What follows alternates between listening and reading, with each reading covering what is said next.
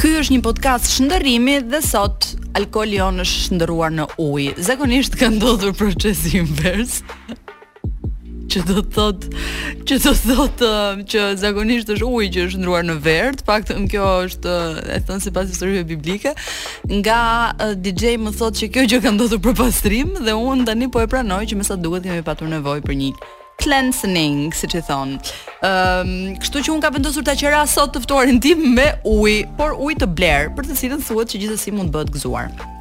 Tani, rikthehemi pak tek tema jonë. Tema jonë është në këtë podcast të shtatë të Asgjë s'është si duket, uh, tema jonë është linguistika forense. Përpara se unë të prezantoj um, të ftuarin tim që nuk duroj në asnjë moment dhe lëshoj një psherëtim të lehtë, një uh, Ë, uh, unë do lexoj një hyrje të vogël që ta kuptoni më shumë për çfarë do flasim sonte sepse kur fola me Kloen ajo u tmerrua kur unë thashë uh, gjuhësi kriminalistike. Ë uh, që në fakt do të ishte përkthimi në shqip, megjithatë ne um, nuk do t'i futemi, po themi në hulli kaq ligjore, uh, por do kuptojmë se si këto disiplina gjuhësore, të cilat janë uh, të ndërkëmbyshme, shpesh mund të shërbejnë edhe për më shumë, mund të shërbejnë njeriut edhe në përditshmërinë e vet. Të shumta janë rastet ligjore ose jo, që përfshin dokumente, origjina, autorësia ose vërtetësia e të cilave duhet verifikuar. Për shembull, metoda tradicionale e lidhjes së dokumentit me autorin e tij përfshin ekzaminimin e vetë dokumentit, veçanërisht identifikimin e shkrimit të dorës, makinës së shkrimit ose datimit të bojës. Por revolucioni teknologjik po shkon gjithmonë e më shumë përtej stilolapsit. Dokumentet që prodhojmë sot janë kryesisht në format elektronik. Dokumente digjitale të lindura dhe të kompozuara në kompjuter, të shkruara në smartphone ose të vendosura në memorie elektronike, përjashtojnë kështu mjetin më të zakonshëm deri dje, pra identifikimin tradicional të shkrimit të dorës. Forma gjuhësore e një dokumenti, megjithatë, nuk varet nga mediumi në të cilin ai përcillet. Dhe këtu hyn në lojë linguist linguistika forense, pra studimi shkencor i formave gjuhësore të aplikuara për qëllime dhe kontekste kriminalistike në thonjza. Mbi 40 vjet më parë, eksperti gjuhësor Jan Svartvik dëftoi në mënyrë dramatike se sa e dobishme mund të jetë gjuhësia forenzike ose kriminalistike. Analiza e tij përfshinte transkriptin e një interviste policore me Timothy Evans, një burrë që ishte shpallur fajtor për vrasjen e gruas së tij dhe vajzës së vogël në vitin 1949. Svartvik tregoi se pjesët e transkriptit ndryshonin shumë në stilin e tyre gramatikor kur i krahasoi ato me pjesën tjetër të intervistës së regjistruar. Në bazë të këtij hulumtimi dhe fakteve të tjera, gjykata vendosi se Evans ishte akuzuar gabimisht. Fatkeqësisht Evans ishte ekzekutuar tashmë në vitin 50. Megjithatë, falë punës së Svartvik, 16 vjet më vonë, ai u fal zyrtarisht dhe emri i tij u pastrua. Puna e Svartvik konsiderohet sot si një nga rastet e para kryesore në të cilat linguist, linguistika forense u përdor për të arritur drejtësinë në një gjykatë. Sot gjuhësia forense është një fushë e pavarur studimi e themeluar dhe e njohur ndërkombëtarisht. Në mënyra të ndryshme gjuhësia mund të ndihmojë dhe në hetime mjekoligjore, për shembull, fonetika akustike studion karakteristikat fizike të tingujve të të folurit, ndërsa ato largohen nga burimi i tyre, pra i foluri dhe lëvizin në ajër duke shpërndarë gradualisht ekon e tyre. Kjo mundëson identifikimin e zërit. Përsëri semantika. e cila studion kuptimin e shprehur me fjalë, fraza, fjalim ose tekste, ndihmon në këtë çështje. Fokusi i analizës semantike në kontekstet kriminalistike është kuptueshmëria dhe interpretimi i gjuhës, i cili është i vështirë për të kuptuar, por pikërisht me stilistikën arrim te përcaktimi i autorit të një shkrimi. Ekzistojnë pra disa forma për të analizuar këto tekste. Megjithatë, ne sot do përqendrohemi në një përmasë tjetër, jo në atë kriminalistike, siç mund të konceptohet ajo, pavarësisht se mund të japim edhe dy apo tre shembuj, ë, të përdorimit të të kësaj narrative dhe të kësaj metode, ë, të kësaj disipline gjuhësore edhe në raste të caktuara kriminalistike që janë shumë të famshme në historinë e botës. Ë, por ne do të përqendrohemi më shumë në përmasën e rikuperimit të autorit të humbur apo të zbulimit dhe çmtimit të tipareve, profilit apo veçorive të autorit që qëndron pas tekstit. Sigurisht, ë uh, unë kësaj çështjeje kaq të rëndësishme do t'i kthehem pas pak, pas publicitetit në të cilën do të prezantoj dhe kë kam të ftuar sonte për këtë temë. Rrini me ne. Pra, pas hapjes time, rikthehemi në S'është ashtu si duket, të folëm për linguistika forense. Unë kam të ftuar ë um, Ledi Shamku Shkrelin, e cila është kërkuese shkencore në Departamentin e Historisë së Gjuhës, Gramatikës dhe Kulturës së Gjuhës në Akademinë e Studimeve Albanologjike. Ë uh, dy mandate deputete në Kuvendin e Shqipërisë dhe titulli më i rëndësishëm nga të gjithë është ime më. Ë uh, kështu që mirë se vjen sot. Mirë se të gjeta. Jam shumë e kënaqur që të të kem të kam në një bisedë live. Ëm uh, ne kemi menduar shumë uh, gjatë çfarë temet mund të bënim bashkë në bisedat tona të pafundme. Deri për para pak kohësh kishim një temë tjetër, por në një moment të caktuar menduam që pse jo, mund të bëjmë këtë, mund të bëjmë Jo, thuaje të vërtetën, ty ajo tema nuk t'u duk shumë seksi, deshe një temë më seksi dhe gjuhësia forense t'u duk temë seksi. Po, çdo gjë që lidhet me kriminalistikën, me krimin, me fantazmat, me uh, trupat e vdekur që i kishim në episodin e kaluar. Kështu që do thoja që kam mund kjo mund të jetë edhe shenjë një problemi psikologjik që sigurisht mund të lidhet edhe me rolin tonë në fëmijërinë time, po unë mhm. them të mos i mëshojmë shumë kësaj pjese, uh, sepse asnjë njeri nuk do të dëgjojë psikoterapinë time live on air. Kështu që i rikthehemi temës që donim diskutonim bashkë. ti si gjuhëtare, ë uh, mund të na thuash për ta nisur tamam, çfarë thotë gjuha jonë për secilin prej nesh? Atëherë, gjuha jonë për secilin nga nesh, për secilin nga ne thotë shumë pak, në kuptimin që gjuha gjuha jonë për secilin nga ne thotë në jemi shqiptarë, italianë, ë uh, ku di unë, Anglezë, marsianë. Ajo që thotë, ai që thotë për ne është ligjërimi. Në kuptimin që ë uh, le ta bëjmë fillimisht edhe për ata që janë më pak më pak të të sprovuar themi në dijet gjuhësore, këtë ndarje që është shumë e rëndësishme, ndarje midis gjuhës dhe ligjërimit. Gjuha është a, a, a, ajo çka ne kemi në sirtar, në dollap, gjithë mundësitë tona të shqipes, ose të për një italian të italishtes, ose për një anglez të anglishtes, gjithë mundësitë tona të shprehjes. Të papërdorura të lëna aty në dollap, ato që janë potenciali ynë i shprehjes. Çdo herë që ne flasim ose shkruajmë, pra i flasim dikujt ose i shkruajmë dikujt ose i mesazhojmë dikujt si të duash ti, flasim edhe me veten, edhe kur flasim me veten, Ne e fusim në punë, ne e fusim gjuhën në punë. Në çastin kur ne e fusim gjuhën në punë, atëherë ne krijojmë një ligjërim. Tani ku do të dallon ligjërimi nga gjuha? Ligjërimi nga gjuha dallon sepse është personalizim i mundësive gjuhësore. Dhe kur them kur them personalizim, kam parasysh jo vetëm secilin idiolekt ose gramatikën që ka secili nga ne kur flet, cilësitë e zërit, ë, aftësitë, mënyrën se si rendit fjalët në fjali, por edhe Gjithë aspektin emotiv që e ka, për shembull, unë dallohem që jam person që kur po flas, jam shumë emotiv, kështu që po. jam thuajse i pangatërrueshëm që po flas unë. Ok, ky është ligjërimi. Pra, ligjërimi thotë gjithë këto për ne. Thotë kush jemi, uh, thotë uh, nga vijmë, thotë çfarë uh, edukimi, çfarë shkollimi kemi, thotë sa, uh, thotë me kë po flasim, me kë po komunikojmë. sepse ndryshe, ndodh një përshtatje graduale. Tjetër, sepse e... ndryshe unë flas me ty, ë ndryshe flas me një ku di unë me një eprorin tim, ndryshe flas me një kalama që do më duhet ta thjeshtoj gjuhën pafund, ndryshe flas ë kur jam duke mbajtur një kumtesë shkencore, ndryshe flas kur jam në një situatë gjysmë formale si kjo sotmja. Mm -hmm. Që do doja të ishte të ishte krejt informale. Në fakt po... është krejt informale. Mirë, okay, po. Ky është edhe thelbi i uh, emisionit në fakt. Meqenëse ju sot ju bartenderi ju ka lënë, ë uh, dhe un shpresoja, kështu që un prisja, okay. Ë uh, dhe dhe në fakt jemi në në, në këtë thot ligjërimi për ne. Ligjërimi për ne thot thot gjithçka. Ë uh, Natyrisht thot për për ata që din ta lexojnë dhe din ta kuptojnë ligjërimin. Dhe nuk është thjesht çështje zanore ose çështje akustike, po themi. Ë ligjërimi është një është spiuni ynë. Është ai që ne na spiunon. Spiunon çdo gjë të qenies ton. Ë tani, ë po shpjegoj unë të dëgjova kur po flisje për atë që quhet gjuhësia forense, që të mos i lëm kështu se termi është shumë i rëndësishëm. Termi është i pari që thot.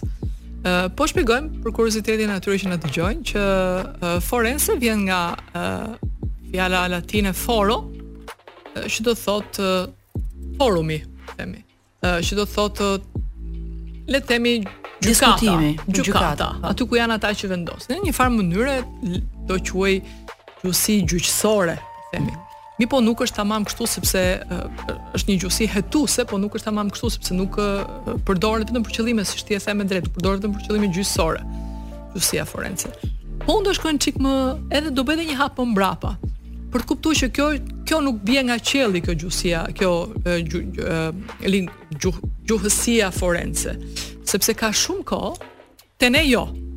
Ne jemi akoma te lakim zgjedhimet kundrinor të drejtë të tjera të tjera. Te ne jo.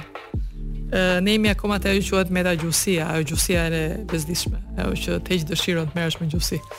Ë te gramatika më së shumti, por ka shumë kohë që në botë gjuhësia po punon ngushtë me me të gjitha ë aktivitetet e tjera që kanë për bazë njeriun dhe që kërkojnë ta përmirësojnë jetën e njeriut. Dhe një nga këto aktivitete për shembull është mjekësia.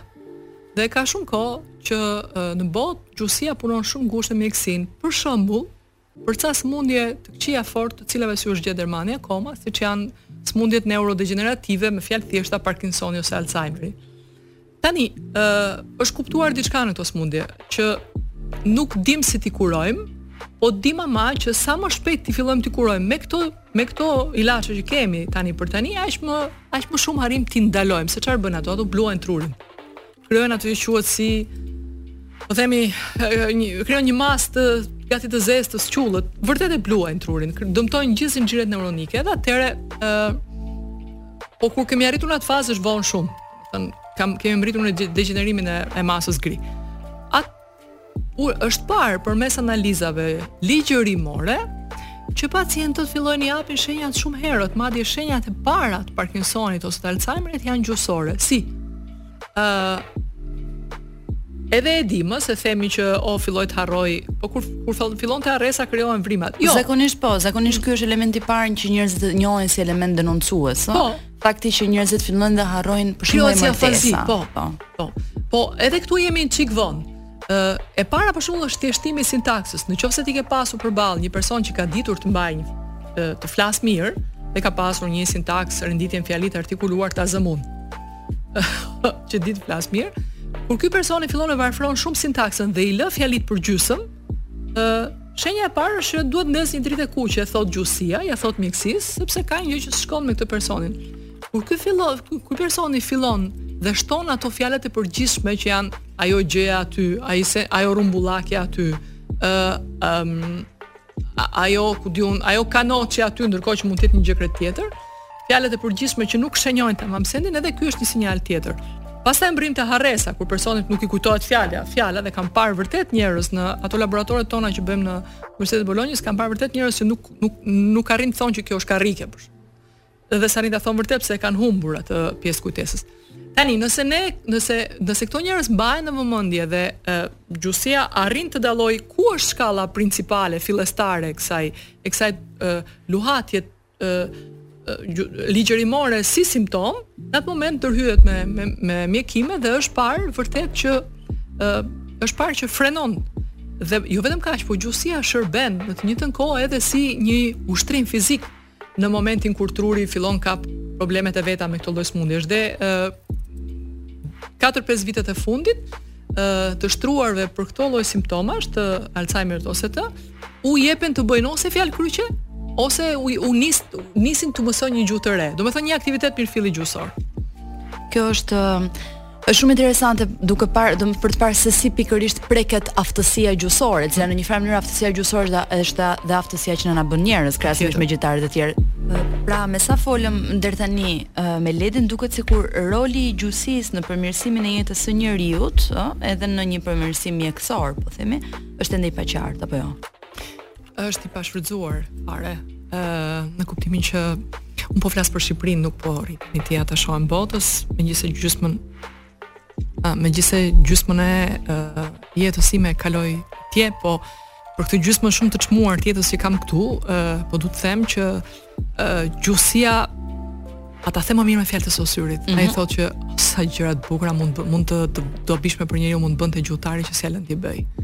Domethënë ë këtu gjuhësia mund të bëjë, mund të mund të shndërrohet në një në një përmirësim të shoqërisë që nga integrimi në shkollë, të njerëzve që vijnë nga periferia që kanë nevojë për një shtysë të posaçme, sepse vijnë me një me një dizavantazh, po themi gjuhësor, gjuhësia mund të shërbejë në mjekësi, gjuhësia mund të shërbejë në vend vendosjen e drejtësisë, sikurse kjo gjuhësia forense, gjuhësia mund të shërbejë për të për të rritur lëvizshmërinë sociale, për të krijuar për të, për të shmangur një herë e mirë klasat dhe për të pasur gjithmonë më tepër shtresa, të cilat sfumojnë natyrshëm drejt njëra tjetrës. Gjuhësia mund të bëjë mrekullira, sepse siç e the që në fillim, dhuntia jonë më e madhe është me fol, është me komuniku Ne mendojmë që duhet të flasim një gjuhë të normuar, jo gjuhët kanë lindur për të komunikuar përpara se për t'u normuar, pastaj edhe ë uh, për t'u shndërruar në një po themi varietet të ngrirë. Po për fat mirë njerëzit nuk ngrijnë, njerëzit flasin ashtu siç flasin dhe shkruajnë, siç ua kërkon momenti dhe siç dinë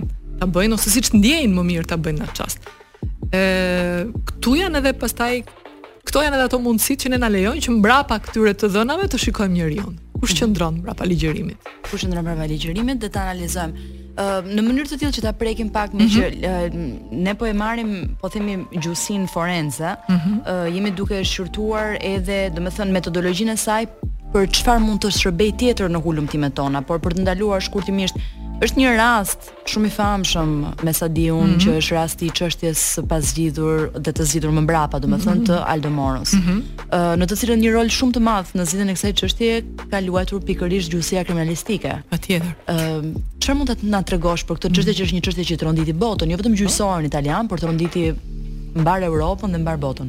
Po, ë, uh, po flasim për kohën kur unë kam qenë fëmijë dhe unë mbaj mend kam qenë shumë fëmijë, në ato kohët kur RAI shihej me miza, edhe që gati thyeje qafën për të vënë varaqet për të kap RAI-n dhe mbaj mend që ë nuk e kuptoja unë kush ishte Aldo Moro, por shikoja tim gjysh që kishte ma, kishte mbajt frymën akull sepse ishte ë marrë peng dhe zhdukur kryeministri i një vendi. ë pra ishte kryeministri italian. Në atë kohë, siç studiova më vonë, në atë kohë paskësh qenë akuzuar nga të gjithë, meqenëse flite për Brigate Rosse, no? Paskësh qenë akuzuar nga të gjithë... Brigate Rosse që është grupi ma terrorist italian me prirje po. kryesisht të majta. Po. Paskësh qenë akuzuar dhe marrë si i pandehur, një një i ashtuquajtur Toni Negri ose Antonio Negri, që në fakt është një profesor, është një profesor i nderuar që ishte presidenti i Forza Operaia. fuqia punëtore, një lëvizje politike thellësisht e majtë në atë kohë, e cila shifej o, donin ta shikonin të lidhur me këto Brigate Rosse, me këto brigadat e kuqe terroriste. Dhe ai ishte padovan me origjinë, ky Toni Negri. Uh, ai mbahej si uh, ai mbahej ndërkohë uh, i, i burgosur sepse mendohej që ishte ishte ai urdhëruesi dhe personi që kishte uh, po themi vënë në në jetë gjithë këto. Në një moment të caktuar, ë uh, pra shifej gjithë grupi Padovan si grupi që kishte i, i Forza Operaia që kishte ë uh, organizuar këtë këtë sekuestrim personi, si me thënë. ë uh, Derisa një ditë në shtëpinë e Aldo Moros, Aldo Moros ishte, vjen një telefonatë, përgjigjet Nora Moro, që ishte e bija, dhe inçizohet, sigurisht ishte inçizohet, thot Nora Moro jam, thot ok, edhe un thot kam diçka, i thot zëri shumë të rëndësishme për të thënë, thot dua të të flas dhe i flet për një gjykatëse, dua të të them thot një gjykatëse që ti duhet ta dish patjetër, e cila uh, ka dijeni, ka në dorë etj etj, e cila është e lidhur me ne, pra ne rrëmbyesit dhe i përmend gjykatësja kishte një mbiemër të dyfishtë emri i fundit bënte Zakanjini. Ë uh, tani këtë ja japin për ekspertizë një personazhi që është ende gjallë, që gjurmë zanore bëhet. Gjurmë zanore, po. Për ekspertizën e japin për ja mbas. Ja japin, ja japin sapo regjistrojnë, ja japin për uh, ekspertizë një profesori që është ende gjallë, që ka gjithë respektin tim, po duhet të ketë dhe gjithë respektin e shqiptarëve sepse ka studiuar fort edhe ë po themi gjuhësinë historike sh, e, shqiptare të shqipes dhe quhet John Bassett Trumper. John Bassett Trumper ishte është së, së bashku me Cardona është themeluesi i kësaj gjuhësisë variacioniste në në Itali dhe është një nga ekspertët më të mirë të hetimit mbrapa zërit, mbrapa shkrimit, mbrapa është njohësi ndoshta më i mirë i dialekteve italiane e kështu me radhë. Ë mënyra se si një se si zëri kish shqiptuar Zakanjini ku kërkonte një një, nj-ja hyn te ato zanor, te ato po themi bashkëtingëllore italiane, e cila ka gjurmë dialektore. Për të mos e bërë krejt të akut këtë gjë, le ta krahasojmë në shqip me ç-në Mhm. Ë ç, q-ja hyn që në në në dialektin shqiptar shpesh janë dhe të ndërkëmbyshme. Janë të ndërkëmbyshme, madje ë Shkodra i ka ç të dyja, mm -hmm. madje kur unë isha e vogël, gjyshi më tregonte që e është ajo batuta shkodrane që me ça me e shkrujt me ç çilsit a me ç çenit. Se për të ishin ç të dyja, ndërsa e folmja e gegrishtes lindore, verilindore, domethënë, i ka q të dyja.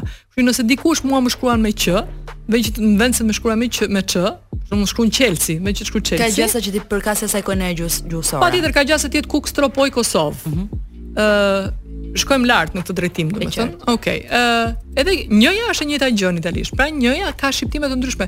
Dhe sigurisht ajo nj nuk ishte padovane.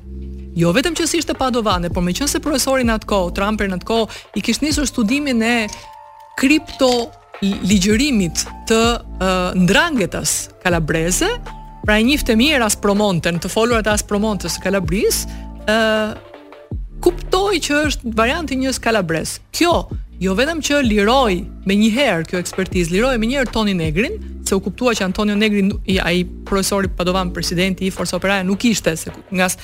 në urdhëruesit dhe në grupin e sekuestruesve, por nga ana tjetër çoi edhe në profilin sepse profilizoi si kalabrez grupin dhe uh, çoi edhe në po themi në identifikimin e e, e personave. Një një si sikur një që, domethënë uh, e zhvendosi krejt uh, fushën e, e hetimit. Do të them dhe një gjë tjetër shumë të bukur, gjithmonë një rast shumë i famshëm. Ky madje ka qenë një nga rastet më të famshme pas të cilës Amerika e them, e, e kuptoi dhe i mshoi fort rëndësisë së linguisë së gjuhësisë forense, rrëmbehet diku një vajzë. Rrëmbehet diku një vajzë e vogël edhe e, dikush me laps i lë te dera, mbasi e rrëmben, i lë t'ëmës një kur them një vajzë them një kalama. ë ë i lë te dera një ë shënim të shkruar me laps, në të cilën thuhej që ë Do vish parat i kërkon një shumë të caktuar, i thotë parat do t'i lësh thotë te qesja e e panolinave, ë do t'i fusësh në do t'i lësh në filan vend, do t'i fusësh e panolinash, do kthehesh do ta lësh thotë në thotë një gjë në Devil Corner ë te filan vendi, do ta lësh do vish vetëm përndryshe thotë në qoftë se nuk vjen vetëm thotë vajza vajzën nuk do ta shohësh më kurrë. Okej. Policia u alarmua pa fund se ishte një vajzë e vogël kur bëhet fjalë për fëmijë, ndjeshmëria është 10 fish Akoma e lartë. etj etj. Dhe nuk dinte ç'të bënte. Ë në tentativë të fundit të dëshpëruar, gjen një sociolinguist që quhet Roger Shuy dhe ai e pati të, të këtë letër. Ai e kupton menjëherë që në këtë letër bëhej fjalë kishte dy karakteristika. Personi ishte shumë i shkolluar, Se letra ishte shumë e gjuhësisht shumë në, në po themi në regjistër të lartë dhe ë uh, kishte një të folur që ishte tipike e Ohajos.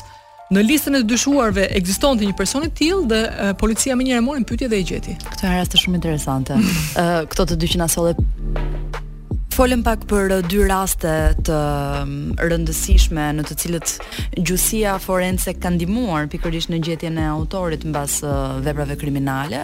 ë sigurisht nuk është mjeti i vetëm që merret në shqyrtim ë në këto procese kriminalistike, por padyshim është një mjet i cili arrin të paktën të në radhë të parë të bëjë të mundësojë elemente përjashtues dhe në radhë të dytë të zvogëlojë rrezen e shqyrtimit. Megjithatë, unë do doja të ndalesha me Ledin me një në një element pak më personal që është edhe një ngjarje interesante.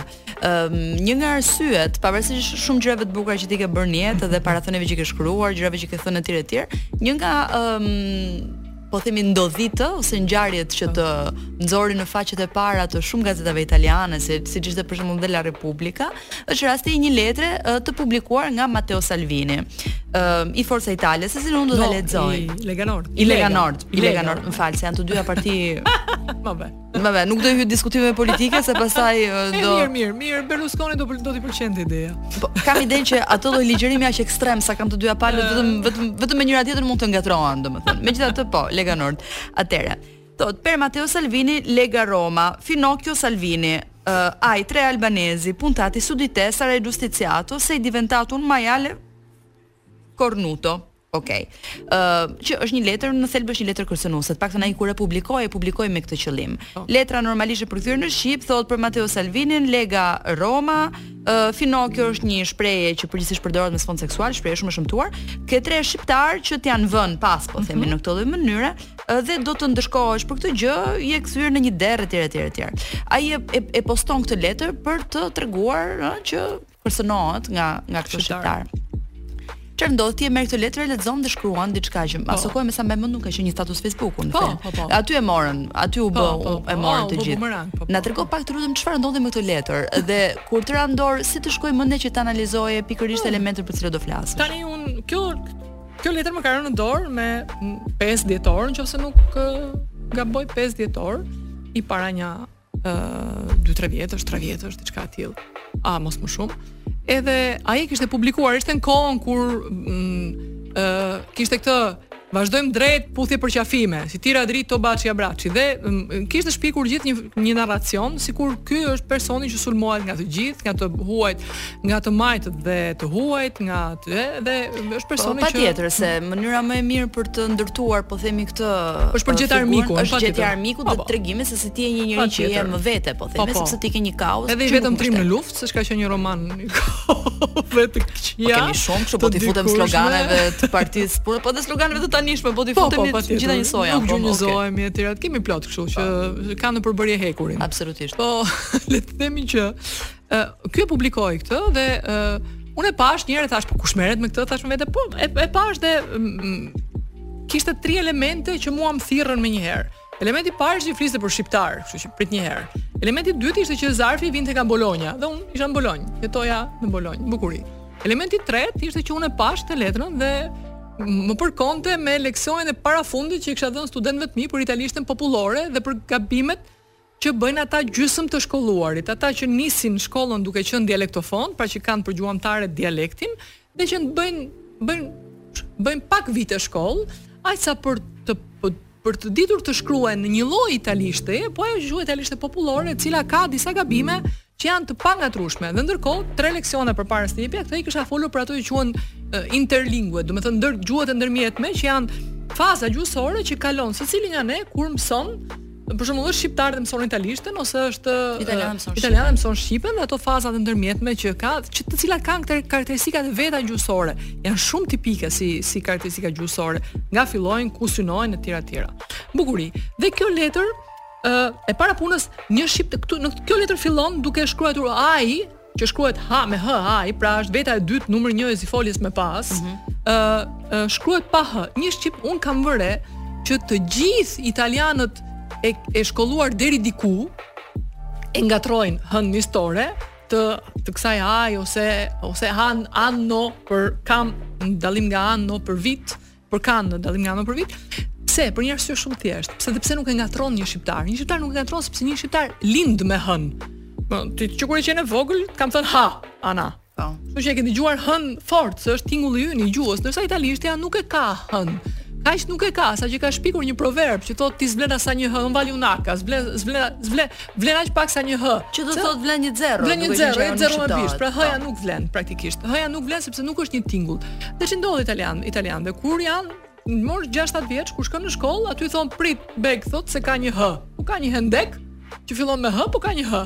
Edhe e thonë kush po kjo h-ja nga doli, apo h është h etimologjike, thotë ka pas një debat që 1500 për ta hequr fare këtë h-në etj etj. Pra italianët ë uh, janë e nisin me me 7 vite disi po themi mungesë takimi me h-në. Po nuk janë 7 vite dosido, janë 7 vite të para të jetës ku mësohet arketipi gjuhësor. Pra ata gjithmonë do ta dyshojnë, ore ka një h apo s'ka një h këtu. Siç e dyshojmë ne, ka një ë apo s'ka një ë këtu. Siç e dyshojmë ne që ne ë-në pothuajse nuk e ndjejmë, dhe ajo quhet pikërisht siç e quajnë ata h-në etimologjike, kjo është një ë etimologjike që ne themi shkruhet dorë, po lexohet dor sepse duhet të kuptosh që gjatësi që o-ja është zanore e gjatë dhe kjo të mundësohet duke vënë mm -hmm. ë-në mhm. e fundit mhm. bukuri.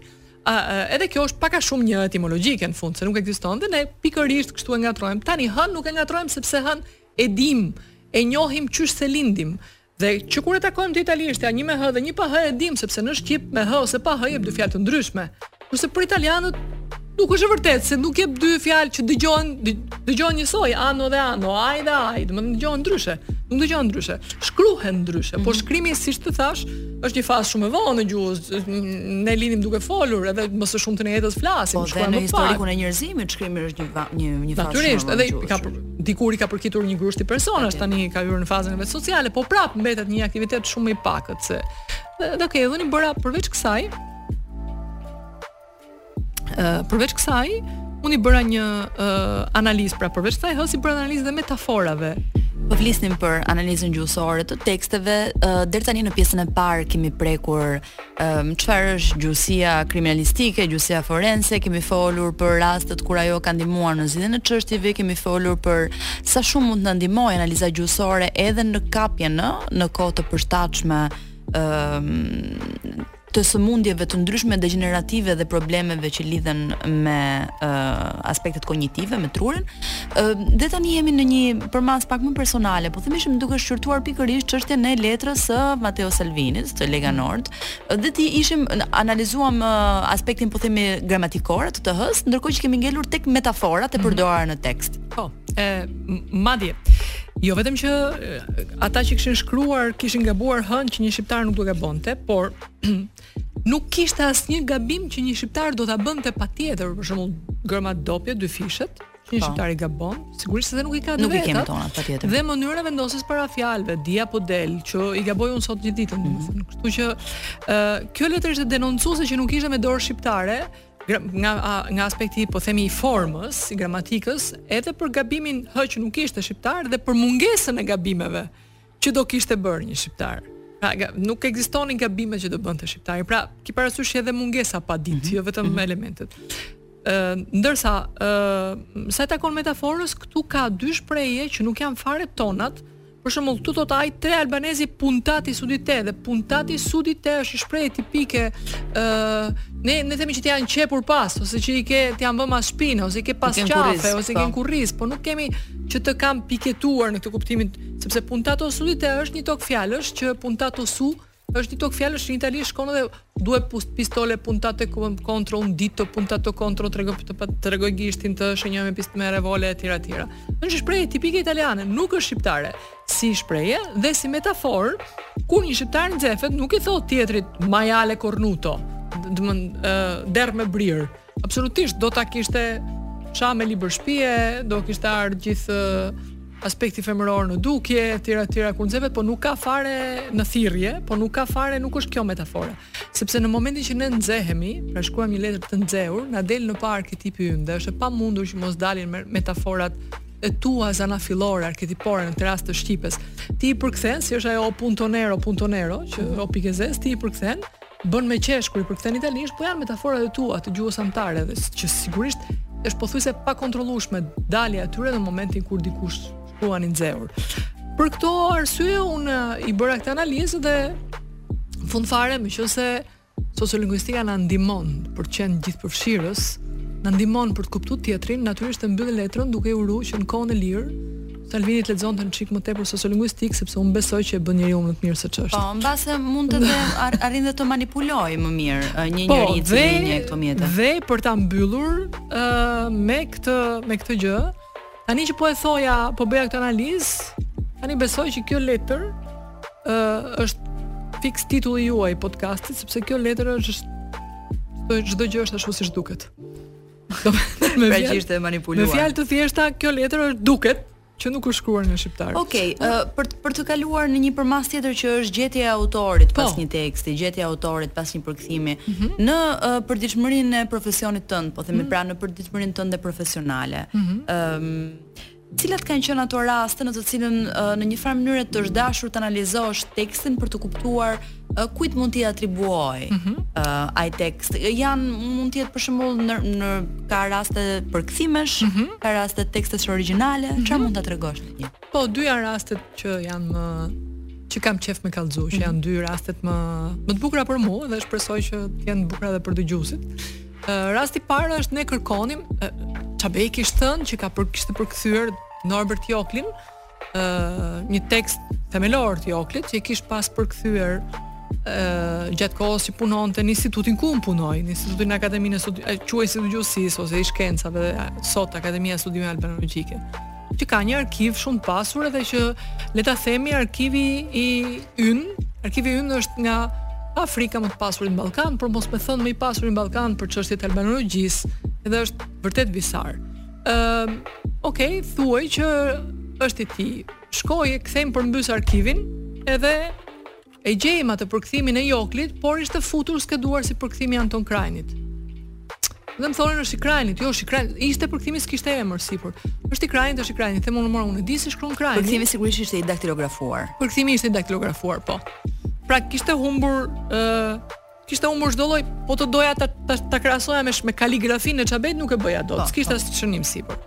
Atëherë futem të lexoj, lexoj përkthimin me vëmendje, Çabej ka qenë një një gjuhëtar shumë shumë kurioz sepse pavarësisht se ka qenë dakord me shqipen e njësuar, ka pas ca thepa të drejtshkrimit që nuk ka rënë kurrë dakord. Për shembull, nuk ka rënë kurrë dakord të shkruajë korridor. Shkruante korridor sepse mendonte që shqipja ka të drejtë ta ketë uh, përshtatshmërinë e vet. Domethënë, jo të shkruajë sipas drejtshkrimit të origjinës, po si shqiptojnë shqiptarët. Ka pas uh, shprehje që po edhe t'i shkruante bashkë si lidhëza sepse thoshte që po edhe veç e veç kanë kuptime të ndryshme. Pra ka patur disa trajta gjuhësore që denonconin. që denonconin. Okej, okay. sikurse dhe Krajni ka pasur trajta të veta gjuhësore që denonconin. Okej, okay, unë lexova dhe ngula këmbë që ky përkthim është i Çabejt as nuk diskutohet. Ë, uh, kisha në krah uh, të bijën që më thoshte po, ai e ka përkthyer se e ka thënë që e ka përkthyer, po e ke parasysh kur e boton, po s'e pate qartësi nuk e vë dot. Kështu që përkthimi, botimi ngeli pak a shumë pezull. Po unë isha e bindur që ishte Çabej dhe deshi zoti që ë të gjendej më pas pas 10 vjetësh në po të njëjtin arkiv, të gjendej dorëshkrimi i përkthyer me shkrimin e Çabejt, që ishte e padiskutueshme. Kështu që iku libri u botua, ne e kemi përkthyer Joklin me përkthim të Çabejt dhe është një nga Shumë e bukur. Shumë interesant. Rasti i dytë? Rasti i dytë. Është rasti i dytë është ndoshta ende më i bukur sepse Shqipëria është një vend që i ndodhin humbje herë pas here. Domethënë, po i ndodhin humbje të rëndësishme, nuk është se nuk është se humb listën e këpucëve. Mm -hmm. I ndodhin humbje për shembull humb dokumenti i pavarësisë. Po të mos qe për atë magjikun tonë Lef Nosi që edhe e vramë, edhe nuk e qamë. Ëh, sa sa ashtu desh regjimi.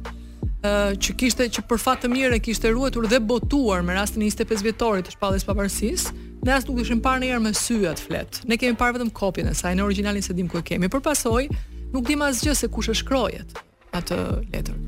Ë uh, ne nuk kemi ekspert makina uh, që eks, të ekspertimit të kaligrafisë, që zakonisht i ka policia ose karabineria shkencore në Itali, po uh, Edhe po i pate, ça do i thush? Duhet të kesh një dyshim se i kujt është. Mm -hmm. do i thush na ma gjej se... Atëherë puna e parë ishte hajde të shikojmë ndër gjithë firmatarët që kemi, kush mund ta ketë shkruar këtë, kush mund ta ketë hartuar një herë të tillë këtë. Dhe unë u mora, u futa të bëja analizë gjuhësore dhe më doli që Ishte shkruar në një ekuilibër perfekt midis formanteve gege dhe formanteve toske. Kishim nëntë formante gege dhe nëntë nuk po rri ta marr gjithë analizën këtu tani, po nëntë formante gege dhe nëntë formante toske. Ishte një ekuilibër të cilin në ata firmatarë mund ta arrinte për mua vetëm Luigj Gurakuqi, i cili ishte themeluesi i stilistikës dhe në fakt Mhm. Gjuhësia forense gjë tjetër s'është vetëm uh, analizë stilistike. Analizë stilistike mes tjerash, ishte themeluesi i stilistikës shqiptare me atë sidomos me kryeveprën e vet Vargnimi dhe me tekste të tjera dhe ishte nga ata njerëz që ishte ndër pajtorët kryesorë të dy krye koineve tona, të krye dy krye dy, dy krye dialekteve tona. ë dhe un shkrova një me rastin e, e një hmm, përvjetorit të pavarësimit të Shqipërisë, shkrova një analizë forense në të cilën ë hodha jo më hipotezë gati e bindur që ë uh, hartuesi i kësaj, nuk e di dora që e shkroi, po mendja që e mendoi ishte e Luigj Gurakuqit. Më pas bëmë të mundur ta çonim dhe për ekspertim, letrën duke marrë edhe shkrime të tjera, dorëshkrime të tjera të Luigj Gurakuqit dhe makineria kësaj rradhe, që është thjesht një makineri që mat impulset, dridhjet e dorës, të, të kaligrafisë na vërtetoi që shkrimi edhe shkrimi ishte i Luigj Gurakuqit, pra gjuhësia forense në këtë rast më kish m'i kish dhënë një autorësi formulës së pagëzimit që të formulës së pagëzimit, formulës së pavarësisë që dakord që kish humbur, po të paktën mos i humbte autorësia. Unë doja të kaloja në një pjesë të tretë të diskutimit, por ti nuk më lëshon pa treguar dhe një dhe një episod tjetër të shkurtër, kështu që jepi dhe kalojmë në pjesën e tretë. Është shprehje që kanë në Tiranë që thonë berberi i keq rrun të gjithë përveç mjekrës vet. Tash unë duhet ta them këtë se nuk duhet të jem berber i keq. Kështu që po tregoj një rast kur unë këtë gjuhësinë forense e përdora për të shpëtu veten. Uh, I vjen eprorit tim një letër nga një mail, më saktë, nga në një moment timin kritik, që kisha një një sherr me dikë, një person që kishte ardhur nga Franca, shkoqë kishte studiuar në Francë, edhe eprorit tim i shkruhet një letër nga dy të rinj që ishin pjesë e stafit të punës, të cilët ankoheshin se unë isha një person që i përjashtoja, nuk i lejoja të kishin lidhjet e veta me këtë personin e ardhur etj etj. Ë, edhe Unë s'kisha për ta parë, ishte si të themi si letra anonime po me emër. Unë s'kisha për ta parë këtë letër po qe se... Stil po. tipik shqiptar. Po të mos qe, ja prit, do ta do shikosh pse është stil tipik shqiptar. Mm. Po të mos qe se për faktin që eprori na na e përcolli letrën atyre, i ktheu përgjigje duke më futur dhe mua në CC, duke kërkuar ndjesë atyre për këtë sjellje të keqe timen. Tash unë them unë sjellje e keqe e imja kur unë s'e kam bërë këtë gjë. Mora marr shikoj këtë mailin, Dhe çfarë shikoj aty? Këto dy çunit dhe këtë gocën unë e dija, ishin ishin gjimnazistë, kishin një shkallë të caktuar të kulturës së gjuhës, domethënë. Eh.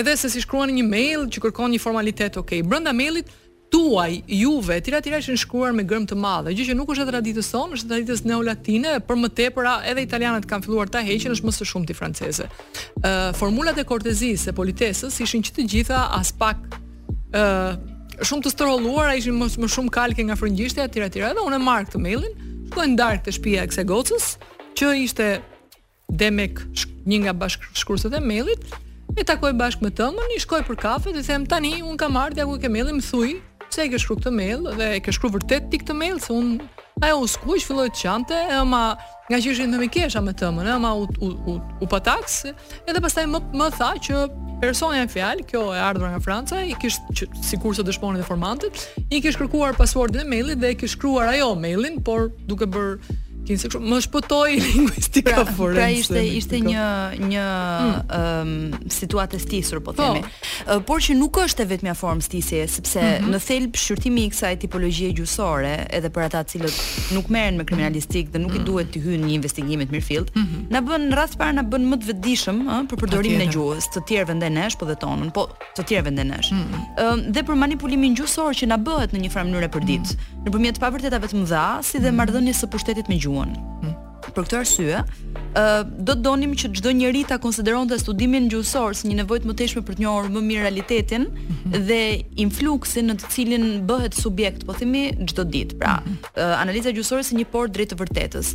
ë Përpara se në mbyllje ne të lexojmë një pasazh që mm. e kam shumë për zemër, uh, unë doja të dija si manipulohemi ne gjuhësisht përditë. Mm -hmm.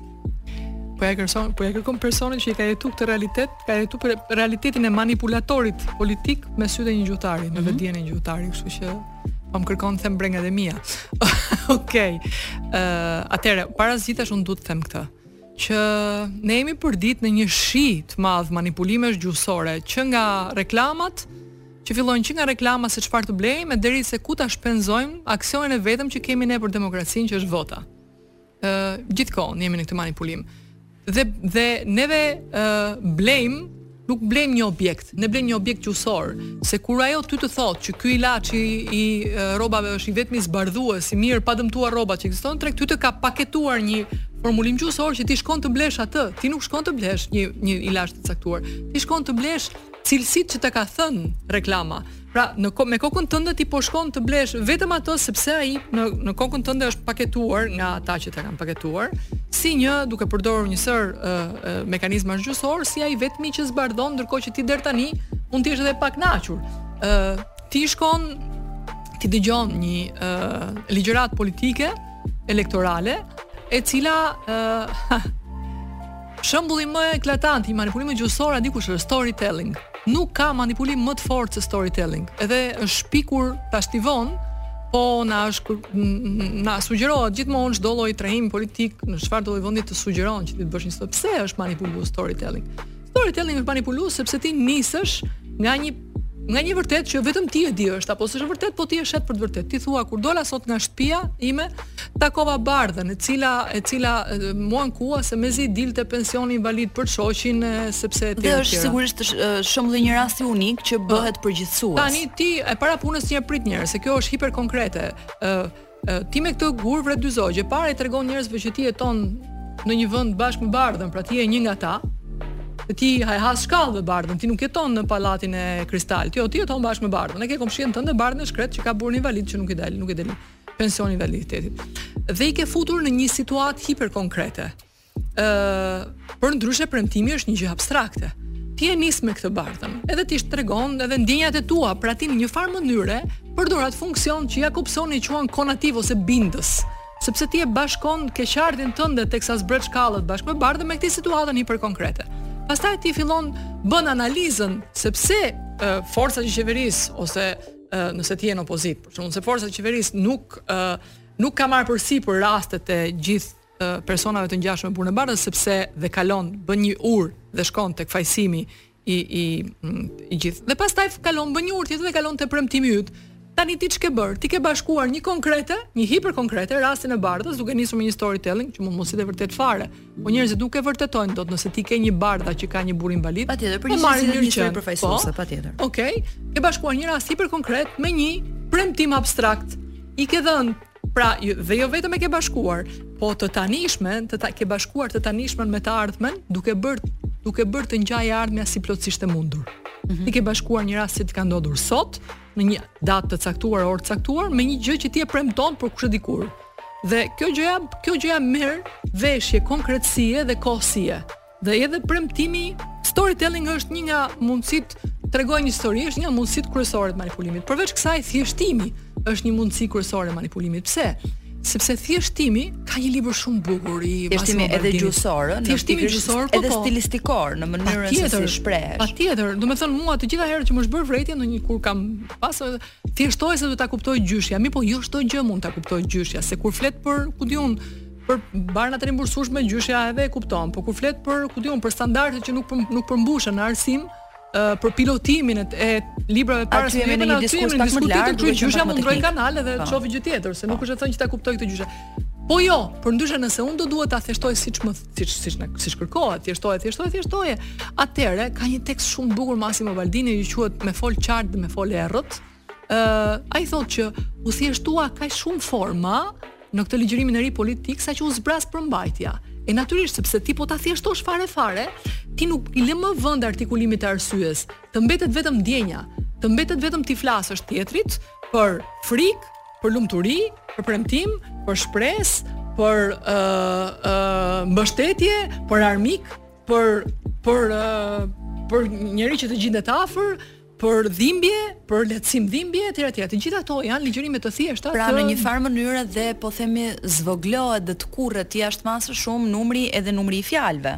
Zvogëlohet lemave tkurret, numri i lemave, patjetër zvogëlohet tkurret numri i lemave, zvogëlohet tkurret kuptimi i atyre numrave të lemave, përdoren vetëm në atë kuptim të caktuar dhe në një farë mënyre ti i ke përjashtuar dëgjuesit tënd, ti si politikan i ke përjashtuar me dashje dëgjuesit tënd trurin sepse i ke i duhet folur vetëm zemrës ose siç thonë italianët barkut.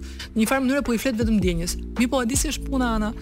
Me gjithë këqijat që ka, me gjithë të këqijat që ka, demokracia është sistemi më i mirë që kemi. Kështu që ë dhe unë kam përshtypjen që një edukim gjuhësor për analizën se si veprojnë mekanizmat e ligjërimit është vaksina më e mirë që mund mbrojë demokracinë. Uh, elementi pikërisht i thjeshtimit të lemave dhe mm. tkurrjes, tkurrjes, tkurrjes të këtij bagazhi të madh të emërtesave që në thelb emërtojnë botën, uh, është edhe subjekt i tekstit që do lexojmë, mm. uh, që është pikërisht i marrë nga Orwelli.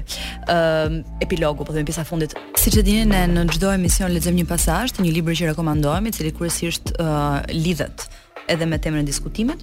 Sot kemi zgjedhur një libër i cili është libër mjaft i njohur, ë uh, për të thënë të drejtën, por ai në një farë mënyre nuk e di pse mbetet gjithmonë bashkohor dhe mbetet gjithmonë koherent. Për fat keq. Për fat keq, po, për fat keq. Për fat mirë, për fat keq. Ëm um, libri është titullohet 1984, është i George Orwell. Ai ka patur shumë përkthime në shqip, unë kam zgjedhur të lexoj citatet me përkthim të Sokol Çungës. Edhe mendoj që është shumë përfaqësues për atë që po lexojmë, është marrë pasazhi është marrë nga epilogu. Qëllimi i rigjuhës nuk ishte vetëm të ofronte një mjet të përshtatshëm me të cilin të përkushtuarit e socingut të shprehnin botëkuptimin dhe mendimet e tyre, por dhe të bënte të pamundur çdo mënyrë tjetër të menduari.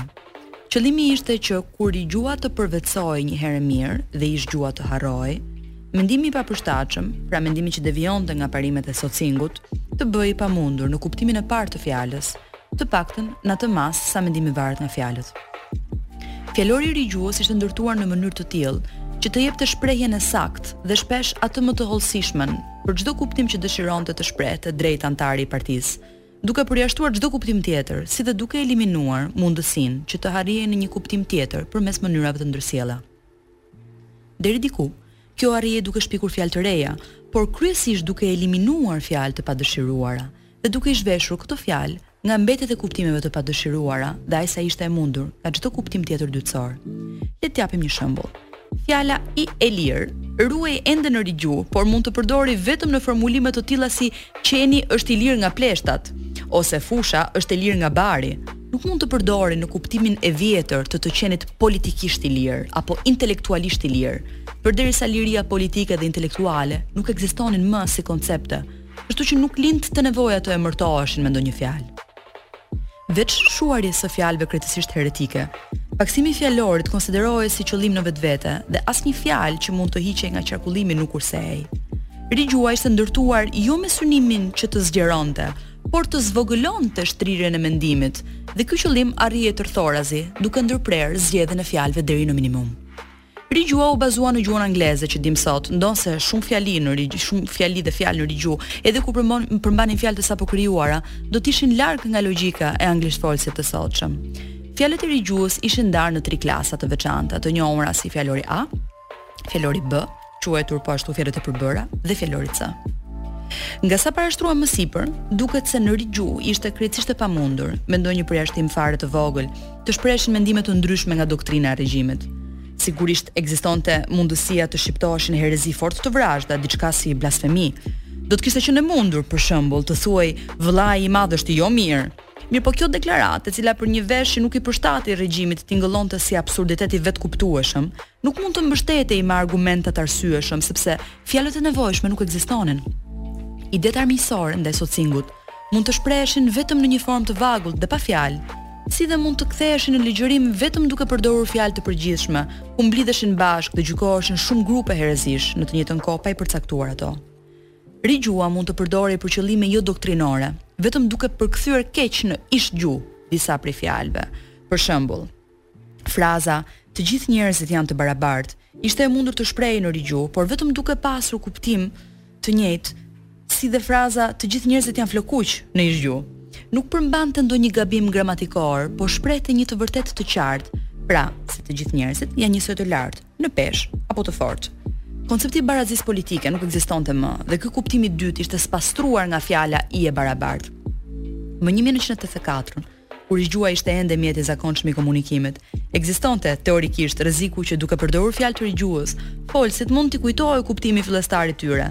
Në të përditshme, nuk ishte e vështirë për një person me baza të forta në dymendim ta shmangte këtë gjë, por pas dy-tri brezash edhe mundësia për të bërë një kalim të tillë do të ishte zhdukur.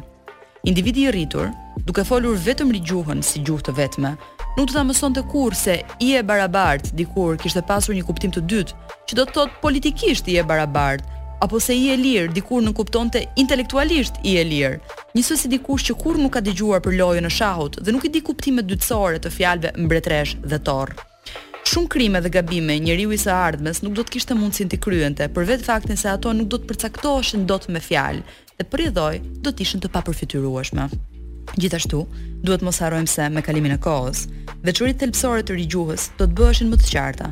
Fjalësi i saj zvogëlohej përherë më shumë, kuptimi i fjalëve bëhej përherë më i kufizuar, kurse mundësitë për t'i përdorur në mospërputhje me rregullat zvogëloheshin gjithnjë e më tepër.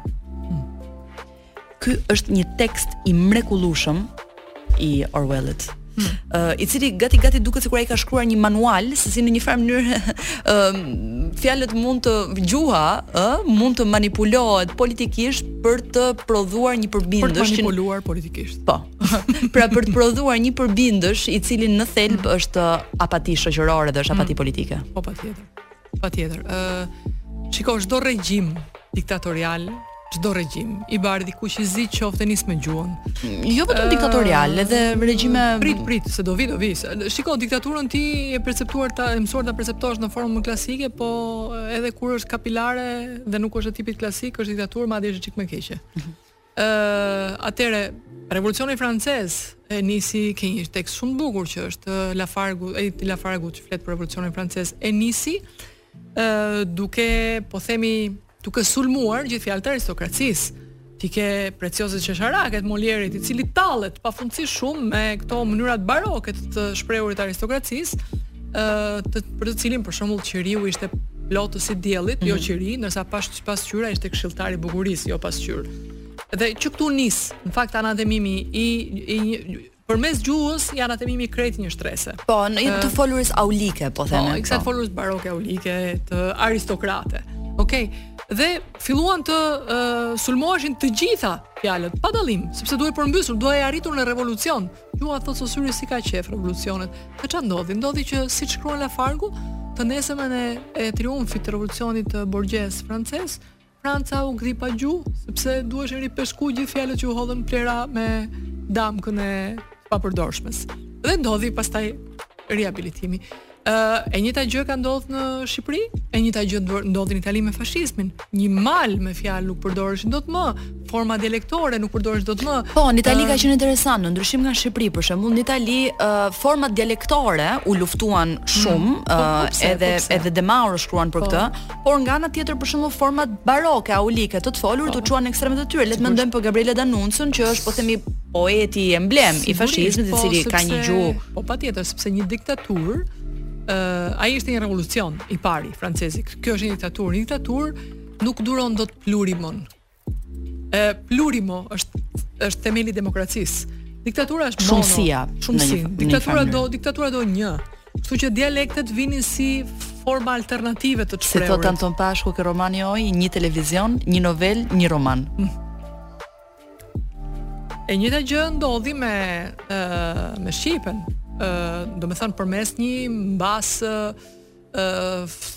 themelimit të standardit dhe meqenëse kemi edhe pesëdhjetëvjetorin e standardit tani, mbërrin një shkresë nga nga Mehmet Shehu, shtatëdhjetetetën, e cila e urdhëron çdo lloj, domethënë enti publik, se privat s'kishte, ë të i cili duhet përdorte jo vetëm duhet përdorte vetëm standardin e shkruar me shkrim, me shkrim dhe në të fol, në të folur, që është gati pamundur. Dhe estradat madje autorizohen stila, mu më vjen me qesh kur dëgjoj estradën e Shkodrës që torturohet me atë rotacizmin dhe më shumë bën për qesh një shkodran që flet me rotacizëm dhe me dhe pa pas sesa thelbi i estradës, estradës ë dhe dhe në të vërtetë dhe pastaj jo vetëm po ndalohet çdo lloj forme tjetër ë tani këto ndalesat janë të thjeshta janë janë këto manipulime të, të vjetra edhe këto që thotë Si thotë Orwelli, janë manipulime të vjetra. Tani kemi hyrë në manipulimet e reja.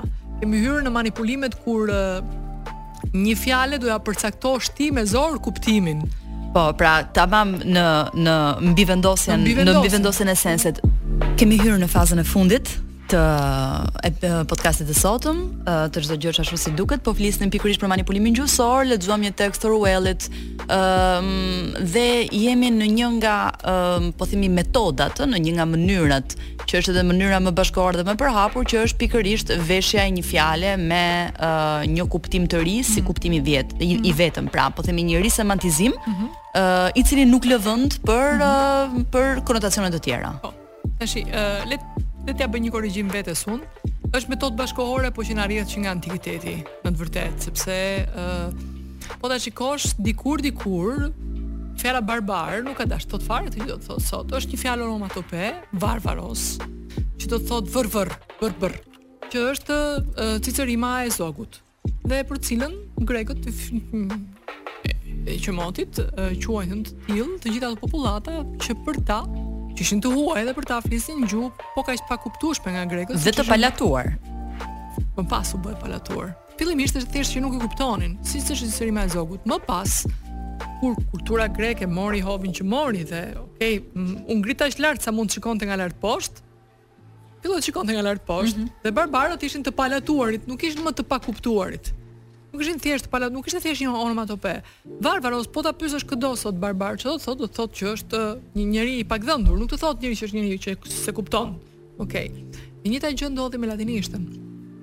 Ë, uh, Clandestino për latinot nuk do thotë asgjë më tepër se sa klan destino, pra me fat të panjohur.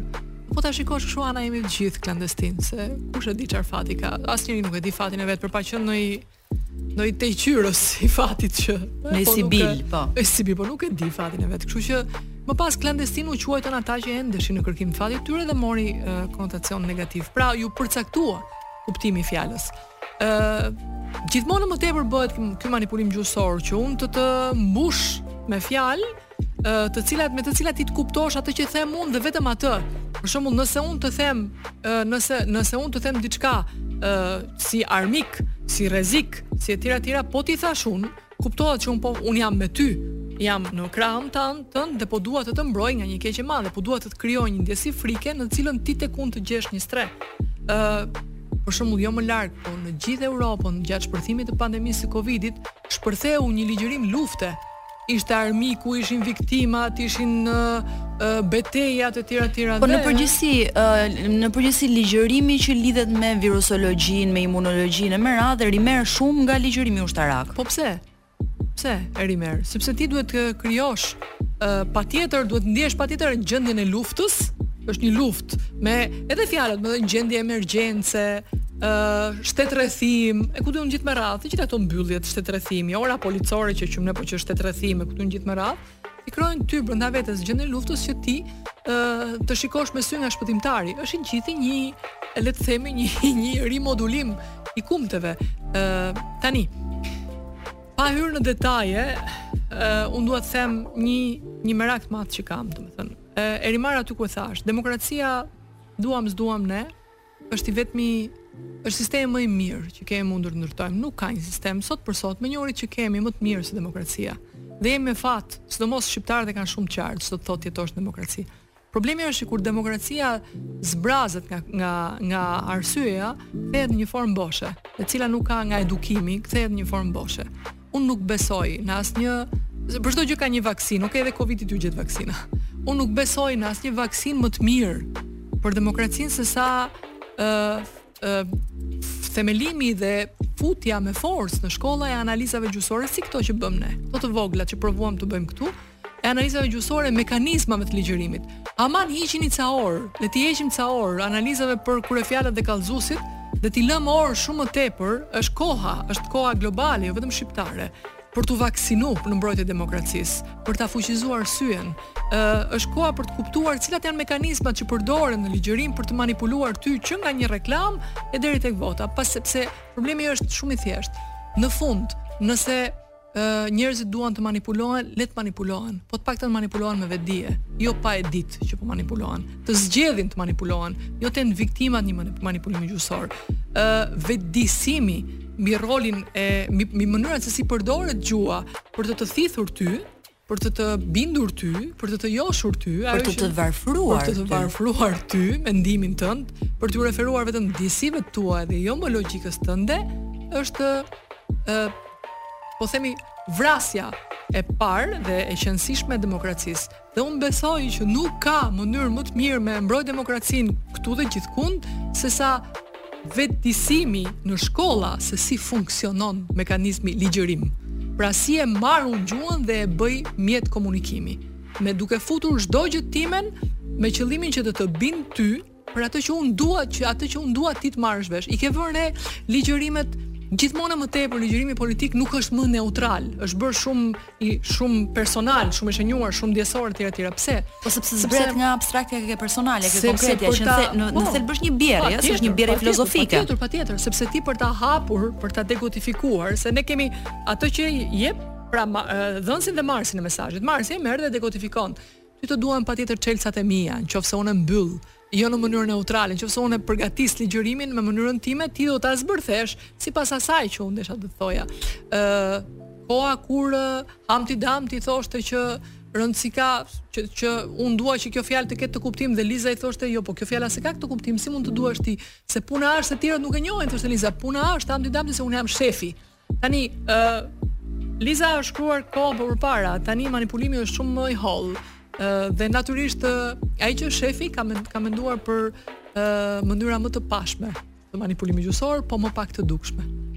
Edhe kjo është një gjë botërore, le të themi, ë uh, para Deri para tridhjetë vjetësh diskutohej në Itali, kishte debat mes gjuhëtarëve nëse ligjërimi politik i takonte apo jo gjuhëve specialist, speciale, siç është ligjërimi i, i, i filozofisë, ligjërimi i fizikës, i kimisë etj etj. Dhe mbasi diskutimi nuk po rri t'i rreshtoj arsyet, u u ra, da, u, u dakordësuan, po debati që zgjati me vite, u dakordësuan, po sepse italishtja kishte akoma të të folurën e errët të kohës së Aldo Moros, po themi nuk kishte ardhur akoma Berlusconi, Ai që i pari që theu ligjërimin abstrakt, neutral dhe solli te 12 vjeçarët, po themi, që thoshte votuesi im ka ë uh, po themi mendësinë e 12 vjeçarit. Okej. Okay. Dhe ë uh, Patjetër, kjo jepet këshillë rëndom për ligjërimin politik. Për shembull në Amerikë thuhet që uh, ta kuptojë gjyshja. Ta kuptojë një, një dikush i klasës 4. Kjo po. ishte gjëja që i thonin gazetarët e Fox News në për në për trajnimet politike që bënin që në thelb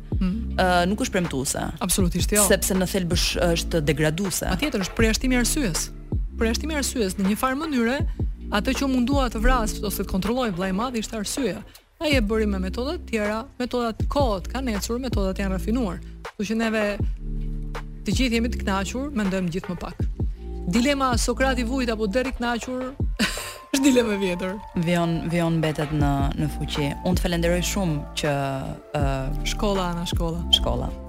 Shkolla po jo vetëm shkolla, shkolla, po unë mendoj që një punë shumë të madhe mund të bëhet, mund të bëhet dhe leximi. Patjetër. Ë, uh, unë do mendoj që të them një gjë nga duke fol me me përkthyesin e, e 1984-s, po më thoshte që nga disa të dhëna që shpia botuese kishte marrë, Vërdallë, rezulton që një mijë e nëntëqind e tetëdhjetë e katër të jetë një nga librat më të shitur në Shqipëri në vitin e fundit. Fantastike. Ky është lajmi më i mirë që po më vjen tash. Që do të thotë, do të thotë që të gjitha këto edhe pasazhe që ne lexuam sot për rëndësinë e manipulimit gjuhësor, pa dyshim që arrin edhe njerëzit kam idenë që do e kenë një llambushkë të ndezur në kokë. Të falenderoj shumë që ishe sot me mua. Faleminderit ty që më ftove. Të falenderoj shumë për bisedën, ju falenderoj të gjithëve ju që na keni dëgjuar. Ne sapo mbyllëm episodin e shtatë të podcastit çdo gjë është ashtu si duket, do të takohemi të enjten që vjen tek i teti.